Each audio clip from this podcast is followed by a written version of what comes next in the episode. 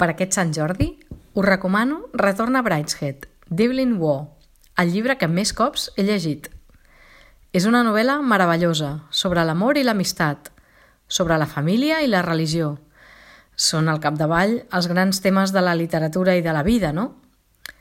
Anglaterra, Venècia, el Marroc, Amèrica...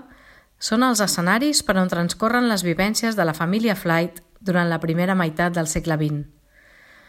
Pare, mare i quatre germans, dues noies i dos nois, d'una família aristocràtica en decadència que interactuen amb Charles Ryder, un amic de la universitat del més jove dels nois, Sebastian.